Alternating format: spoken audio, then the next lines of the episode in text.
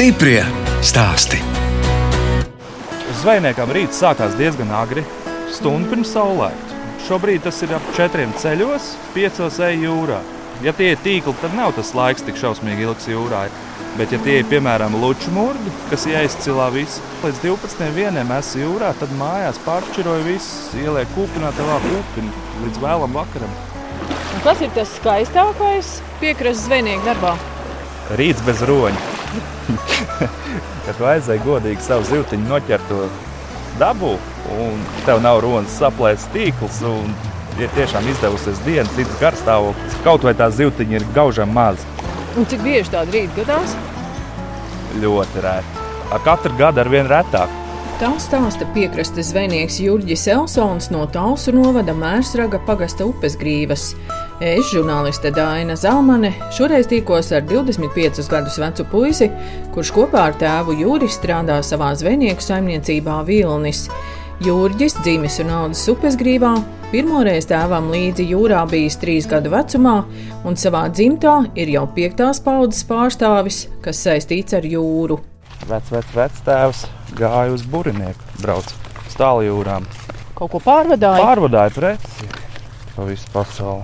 Ko viņš tur tieši veda, tik smalki, kas jums nemācējuši pateikt, jā, bet tāds fakts, ka tāds ir. Jums nav gribējies uz lielākiem kuģiem braukt? Nē, man sirds ir šeit, piekastē, un nav bijis tāda doma kaut kur citur braukt. Un tu zinām laiku, tev ir jāatrodas uz tā kuģa. Es šeit esmu pats savs saimnieks, jā, pats regulēju savu grafiku, savu laiku. Tas pavisam savādāk. Vectēvs sauc Kārlis, un viņš gāja jūrā kolhozā met tīklus, vilku vadus. Un tajos laikos bija koku laivas, kuras bija jāremontē katru gadu. Tad katrā mājā bija pa zvejniekam, var teikt. Viss piekrasts bija vienos tīklos. Tēvs man pirmo reizi paņēma jūrā trīs gadu vecumā. Cik tālu te jūs braucāt? Diezgan trīs km. Kā stāvdiem gājām. Un mammai bail nebija tāda maza trīsgadīga puika palaista. Protams, jau ka bija, bet man tik ļoti gribējās, man tā iepatikās, ka es nevarēju bez tā. Nu, kas tur iepatikās? Tas azarts, tas, ka tu aizēji. Cēlā augšā ir tās zivtiņas, pārdās, ņemās, iesmeļtais laivās iekšā.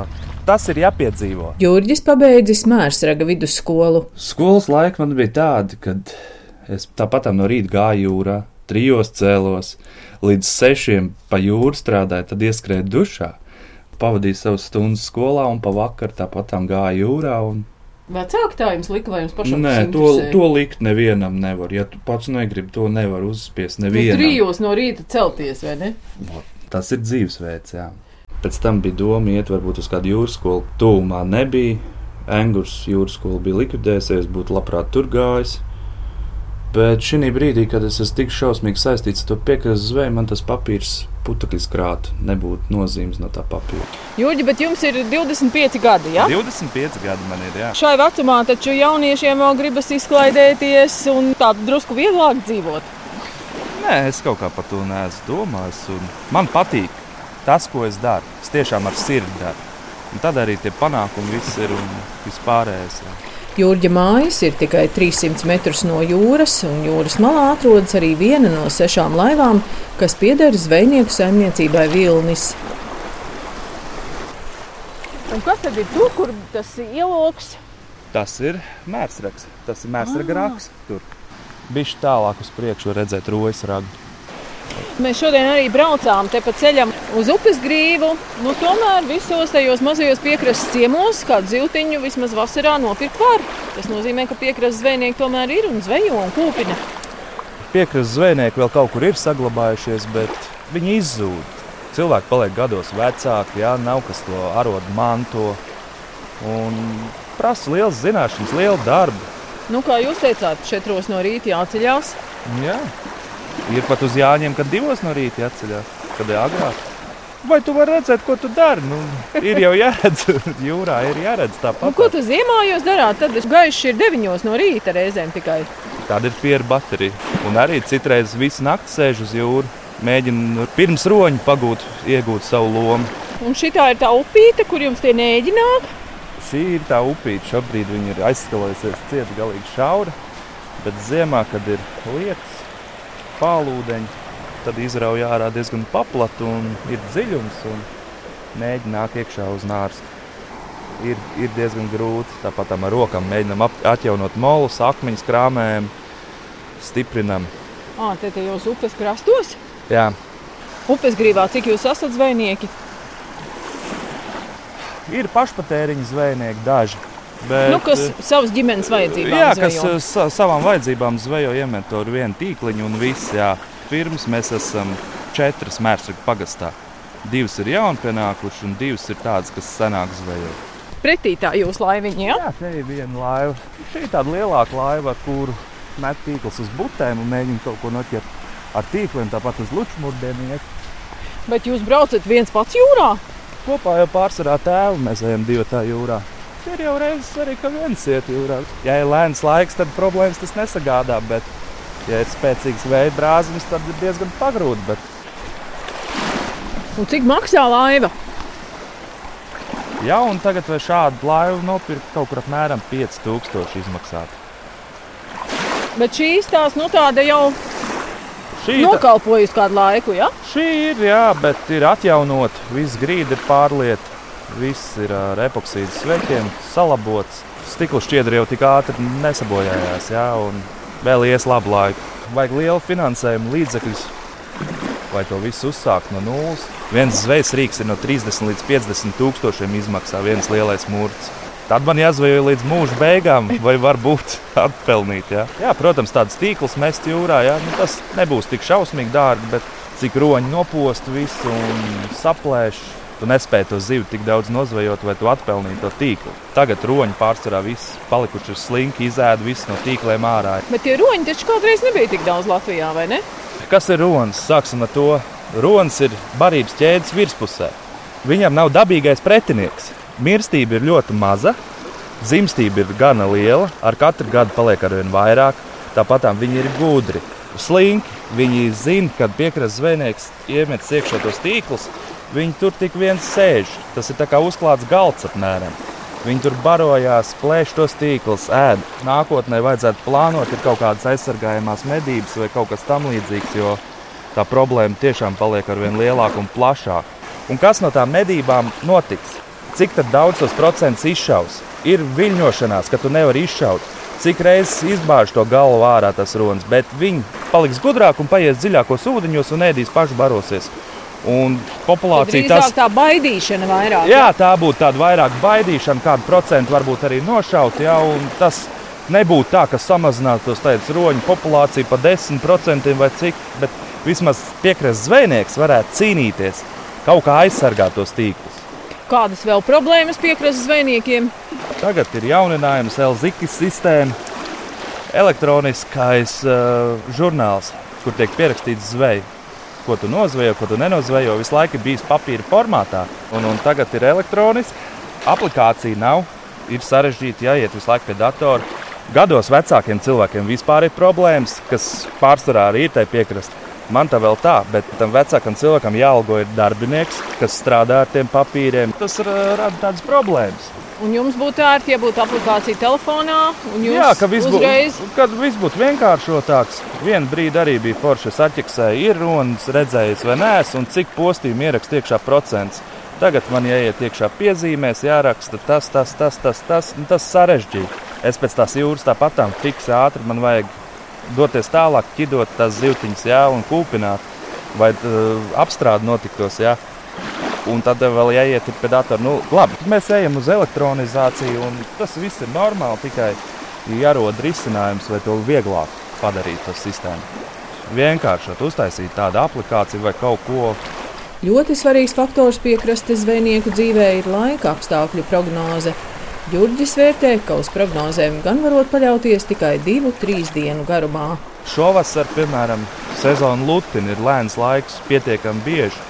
Bet nāks rudens, parādīsies vētras, saplēsīs mūrus. Viss jau ir zināms, kas notiks. Zvejniekiem ejošākās ziņas ir laika ziņas. Jā, es skatos pārsvarā internetā, Vinguru, paskatos vairākas programmas, salieku kopā. Bet taču atšķirās. Atšķirās, jā, bet es esmu iemācījies noprognozēt, es apmēram zinu, bet ne nedēļu uz priekšu. Augstākais divas, trīs dienas es varu secināt, jo tās ziņas mainās ik pa trīs stundām. kādreiz jau droši vien vecie zvejnieki vakarā skatījās, kā tur saule riet, un no tā arī tur kaut ko varēja secināt. Jā, bet tajos laikos bija citas gudrības. Jāzina, bija. Tad nebija tāda interneta. Tāpat tā ir, kas no veciem laikiem palicis. Kā noprognozēt, kad ir augsts, kad ir silts ūdens. Piemēram, ja Ziemassvētkos būs sārma, tad Jāņos būs augsts ūdens jūrā. Un tā arī parasti izdodas noprognozēt. Un citreiz arī kaut kas negaidīts uznāk, kaut vai prognoze ir ļoti laba. 15 minūšu laikā var aiziet Baltijas jūrā, kā vārā. Stiprie stāsti!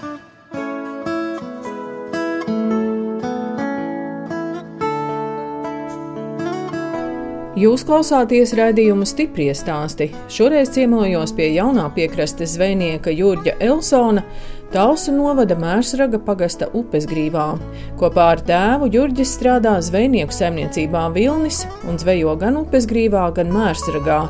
Viņiem pieder gan sešas laivas, gan daudzi tīkli un mūrdi dažādu zivju zvejošanai. Daļa no tīkliem stāv pagalmā. Visu pašu veidojam no veciem krājumiem, no linumiem, jo linums teica nenormāli dārgs - 20 eiro kilogramā ja nav kaut kāda krājuma no veciem laikiem palikuši linumam, tad uh, no nulles uzsākt ir diezgan nereāli. Mēs esam diezgan liela firma, kas zvejo gan ar zivju tīkliem, gan ar lieliem murdiem, gan ar luču murdiem. Šis ir tāds maziņš, divu galu murts. Kas uh, sastāv arī no sēdes. Pa to plato galu viņš iepeld iekšā. Jā, šī tā pieguļās pie jūras grunts. Te iet uz otru galu, tāda sēta tad viņš tur iet iekšā un ārā. Tikt ir neiespējami. Šis ir tīkls. Šeit var redzēt, kur ronas rēdz zivi. Kāds ir caurums nu, milzīgs? Nu, tie vēl mazākie caurumi ir pat pa 20 metriem, kur nav vairāk linums. No kāda materiāla? Žilka. Zvejojas pielietoja apmēram 15 līdz 20 tīklus, pusotru kilometru. Un, kad viss viņas noplēš, tad ir diezgan traki. Tad griež ārā, tad kaut ko mēģina kombinēt kopā. Šie ir ar rokām taisīti tīkli, stelētie tā teiksim. Ja? Un kas tas par materiālu? Arī žilka un vīras. Katra atstājuma vieta ir jāatsieņa trim mezgliem, diviem kā kurš, lai viņš neslīdētu. Un ir žēl, ja noplēš labs tīkls pirmajā reizē, kad ieliek jūrā. Te ir tāds šķūnītis. Jā, šķūnītis. Un cik skaisti tur izskatās tās zivtiņas, kas tur savērts augšā. Jā, tas ir saulē vītinātās voblas. Vobla ir saulē kaltēts zivs. Rauda vai vimba, kas labāk garšo, un sālītas zivs, kas ir saulē kaltēta. Cik ilgi tajā kaltējas? Gan arī mēnesis. Atkarībā no karstuma. Ja ir liels karstums, varbūt divās, trijās nedēļās. Iesim tālāk. Striķu kaudzes. Jā. Striķis arī mūsdienās ir ļoti dārgs. Ja nav striķi, tad nav ko jūrā ielikt. Nu, es pat to saucu par virvi. V, nu, jā, šis ir kaut kur 30 3 cm diametrā. Bojas ankuri, tāpat tām ir tehniskie agregāti. Visu pašu labojāt, visu ankurs metinām, jā, taisam. Viss. Man tie zivju mūri ir diezgan lieli. Sastāv gan arī tonu linums vienam zvejas rīkam. Virves, linums, bojas, smagumi. Vai teikt, mūsdienās kaut ko jaunu uztaisīt, tas nav reāli, to nevar atpelnīt. Pārsvarā viss ir paštaisīts. Nav jau neko nevar mest ārā. Neko nedrīkst mest ārā, jā, jo visam ir sava zināmā vērtība kaprons arī saulē sadeg, ir visu laiku jāapsedz. Vajag sausumā jāuzmanās no grauzējiem, piemēram, kā pēles žurkas. Tāpēc jābūt augstāk pa zemi vai vējojas cauri, vai būtu diskomforts tai žurkai tur līst iekšā. Tāpat tās zvejas rīki viss ir jāsalēzē, viss ir jāsagatavo. Jūras zāles ir jāizlasa ārā, ja jāizmazgā, ja jāiztīra, jāizkaltē. Jūras zāles lasa ārā, tāpēc vai arī mazgā ārā vai zivs to tīklu neredzētu. Tīkls ir slasts. Zivs neredz to tīklu, viņi virzās pa to jūras grunti, iepiņās iekšā tajā tīklā, un tur viņi arī ir. Un, ja viņi būs ar jūras zālēm, viss netīri, tad būs tāda vienkārši tā tāda mūra siena, kur viss zivs aizies garām vai nu pāri, vai nu prom, un nebūs nekāda rezultāta. Bet tas arī ir liels darbs, tās jūras zāles izlasīt. Protams, bez darba nav. Tāpat tam kādreiz kāds motors jāpērēmontē. Visur ir sava roka jāpieliek. Tās zveja tīklu kaudzes pēc cilvēka, kas ar to nodarbojas, pieliek to roku. Viņš nav nekā vērts. Ar ko jūs man pārsteidzāt, cik tie tīkli ir vajadzīgi? Un par katru to tīklu tad ir jāmaksā vēl licence. Ja? Jā, reizes gadā ir jāmaksā licence, protams.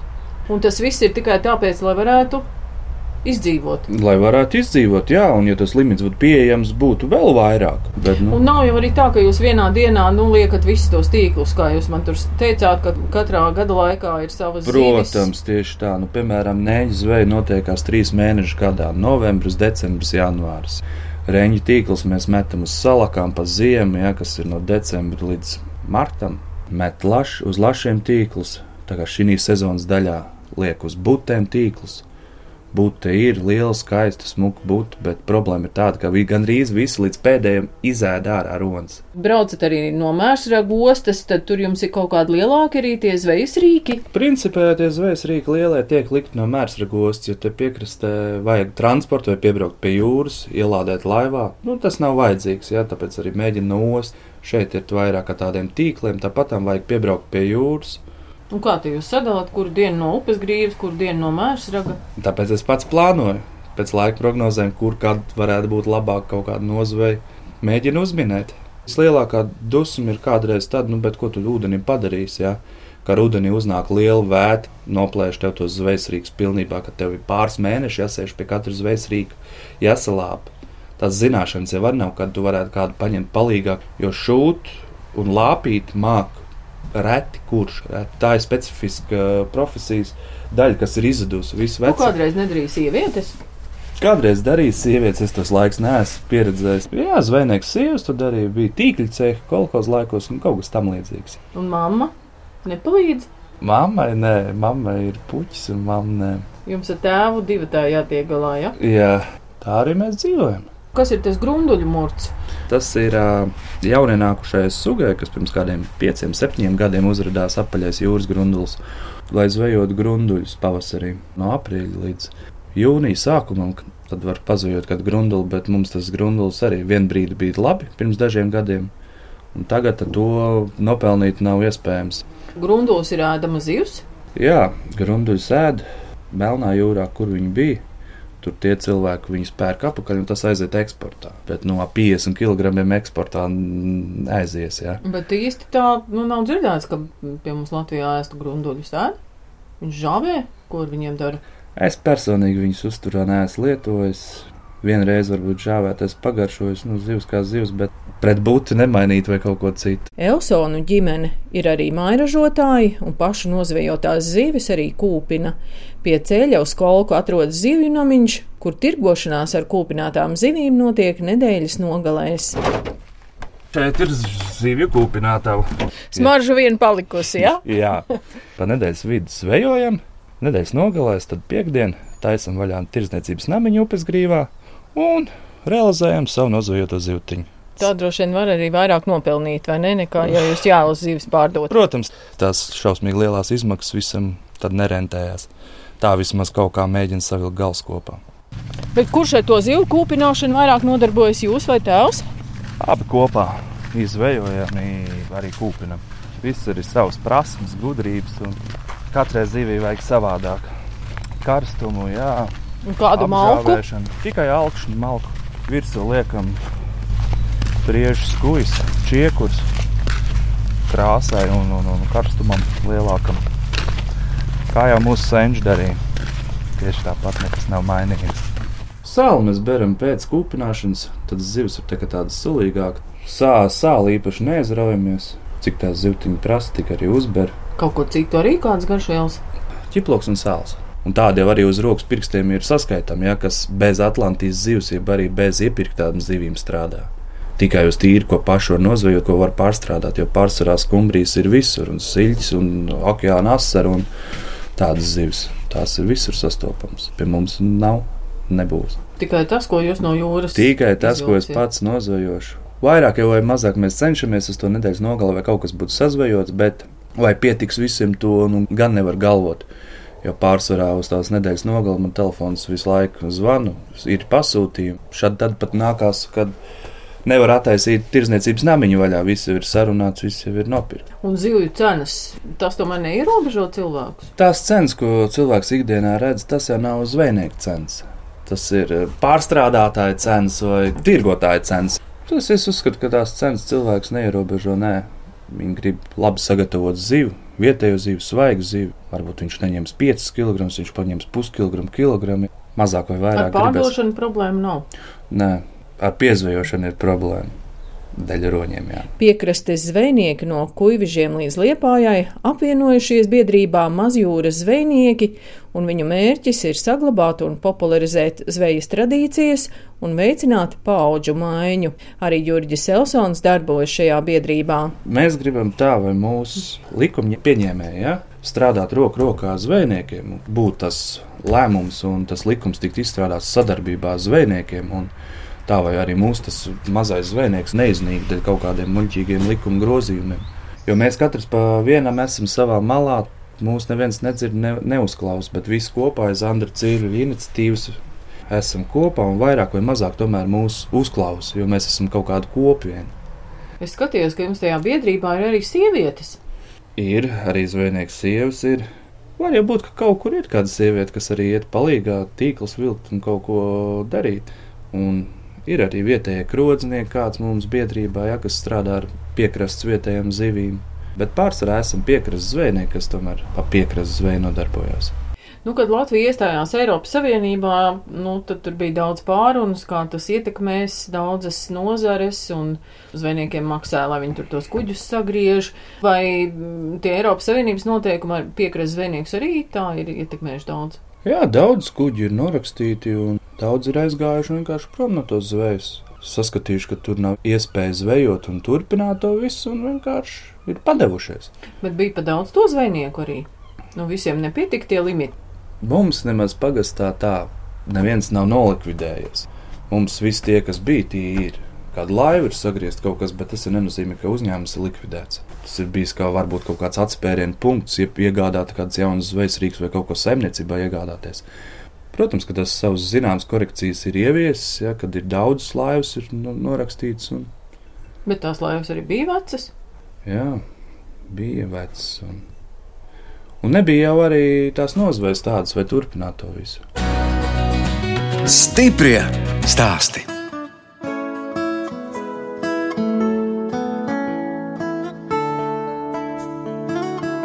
Jūs klausāties raidījumu stipri stāstī. Turpinot ciemoties pie piekrastes zvejnieka Jurģa Elsona, Tausa novada Mērsraga pagasta upes grīvā. Viņš kopā ar vecākiem dzīvo viencētā daļdārznieki. Šī vieta, pateicoties Jurģa mammai Ilzei, patiešām ir daļdārs, bet saimnieki izaudzē arī visus nepieciešamos dārzeņus. Nu, rekāda te jūras smiltiņa, kā tā jūsu mamma tur tik daudz visu kaut ko var izaudzēt tajā dārzā. Ir savest melnzemi, tāpat tam viss augsts uzlabo ar melnzemēm un tā tālāk, jo nav tā auglīgākā zemīte. Graudus šeit audzēt nevar, vai ne? Nevarēs gan laikam.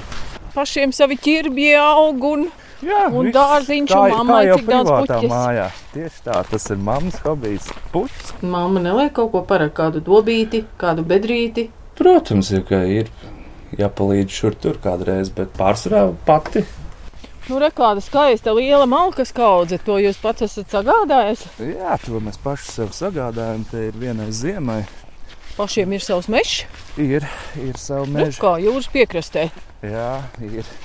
Malka ir jāsagādā, līdz ar to ir lielāks. Transports ir vajadzīgs vai no meža dabūt mājās. Tas laiks arī, ko es ieguldu malkā, pa ziemu ejot, sazāģējot, izvedot ārā, sazāģējot akal klučos, saskaldot, izžāvējot, ievedot stūņos un pēc tam līdz tai krāsnī.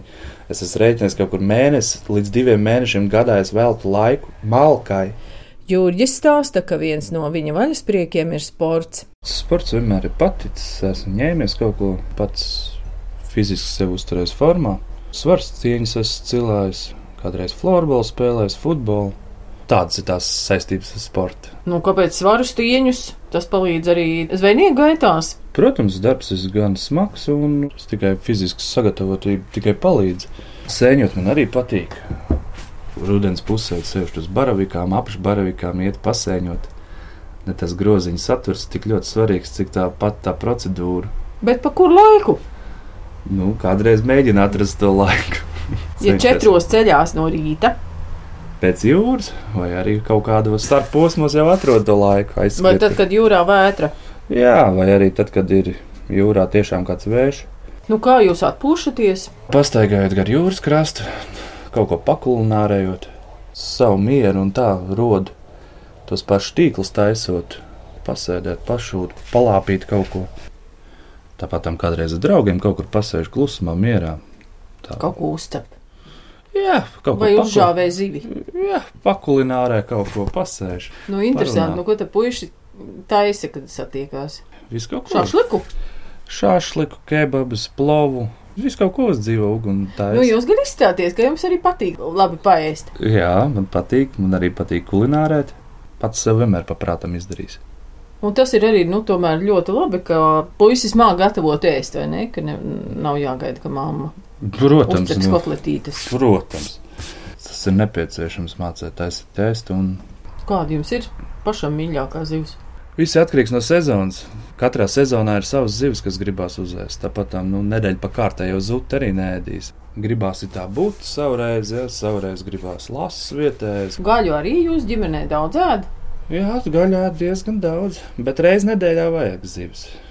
Nu, bet, ja jūs paši žāvējat, kā nožāvēt, jums jau jānoņem prove, vai ir labas. Kādreiz paprovē. Tas ir tik tālu piešauts, viss tas process, ka nu, kļūdīties nav iespējams. Tādas šaubas nemaz nemēdz būt baigās, ja, kad būtu jāpaprovē. Protams, savreiz pagaršo uzēdu un tā. Sēžam te tādā skaistā lapenītē. Jā, Te tad arī laikā. notiek visi ģimenes kaut kādi sajieti. Jā, šeit arī pasēžam vasarā, kur vēl labāk kā svaigā gaisā pasēdēt ārā un sarunas vai stārā. Un visapkārt hortenzijas un plakši un, un visādas citādas puķes zied. Jā, Un izstāstīja, kas te jums tur mājas celtniecību vēl notiek. Tur jums piebūve ir tapusi. jā lēnā garā kaut ko remontē, kaut ko darās. Viss Paši būvējat. paši. Un visus darbus mākat. Būvniecību, elektrību. Nekad nevar visu mācīt. Dzīves ceļā apgūst, mācās. Tur kādreiz bija siltumnīca, kur tika audzināts rozes, potēts un bija liela siltumnīca. Tad vecāki piepelnījās vēl ar rožu audzēšanu. Jā, tas bija kādreiz. Jā. Un tagad vajag māju, lielāku. Vai visiem ir vietas, visiem ir kur atbraukt savus istabas, visu. vai nav visiem jāspiežās vienā galā? Nu, kā jūs teikt par upes grību? Nu, redz, mēs jau te gājām tam ciemam cauri. Nu, tā var just, ka daudz tur tomēr ir atpūtnieku mājas. Jā, kluss ciems, ziemā pavisam kluss. Kaut kādas 20 mājas, kur ir tā patstāvīgi pa ziemu, kur dzīvo. Ja? Ko cilvēki dara? Tie, kas paliek te ziemā, Tie ir tādi, kas uz vietas kaut kur tepatām netālu strādā, rojā, mērsragā, kaut kur talsos. Tie ir tādi vietēji iedzīvotāji, bet mazi ir palikuši, nav vairāk tik daudz. bet uz vietas, nu, bez zvejniecības, ko tad te vēl varētu darīt? Vasarā tas ir turisms viennozīmīgi, ka kaut kur ar turismu nodarbojās, izīrē kaut ko, bet ziemas sezonā nebūs nekas daudz ko darīt. Jums te veikals ir, Bija vairāk, nav tagad. Kad trīs saprast. gadus nav mums pat veikala. Jā. un uz kurien to jūs braucat? Tuvākais man ir mērsraks. Baigi iedomā līdzi, nevar tā aiziešu, paņemšu to, to, to. Nu. Gan nu, jums tak vienmēr zīves, ko ēst. zivīm vien jau nēdīs. Nu, Jurģi, kādi jums vēl sapņi? Sapņi, turpināt piekrastes zveju. Vai tā piekrastes zveja arī mums saglabātos kaut kas no tiem senču laikiem? Savādāk jau, ja tie pēdējie airi tiks nolikti, tas nekas nebūs vairāk. Nu, piekrastes ciemos mazliet ir jāsmežo pēc dūmiem, pēc zivīm. Tieši tā. Vecajām tradīcijām ir jābūt un tā ir. Galvenais būtu atļaut cīnīties ar to zvejnieku ienaidnieku, tā varētu teikt, roni, ja? kad varētu vismaz aizstāvēt savus zvejas rīkus. Tad varbūt pat ar mazāku kvantumu varētu nozvejot pietiekami daudz zivju, vai varētu gan daudz cilvēkus apkalpot. Radījums stipri stāst izskan, un mēs atvadāmies no piekrastes zvejnieka Jurģa Elsona, kas kopā ar tēvu izveidojis zvejnieku saimniecību Vilnis un ir jau piektais savas dzimtas pārstāvis, kas saistīts ar jūru. No jums atvadās žurnāliste Dāna Zalamane un operātore Nora Mitspapa, lai tiktos atkal tieši pēc nedēļas.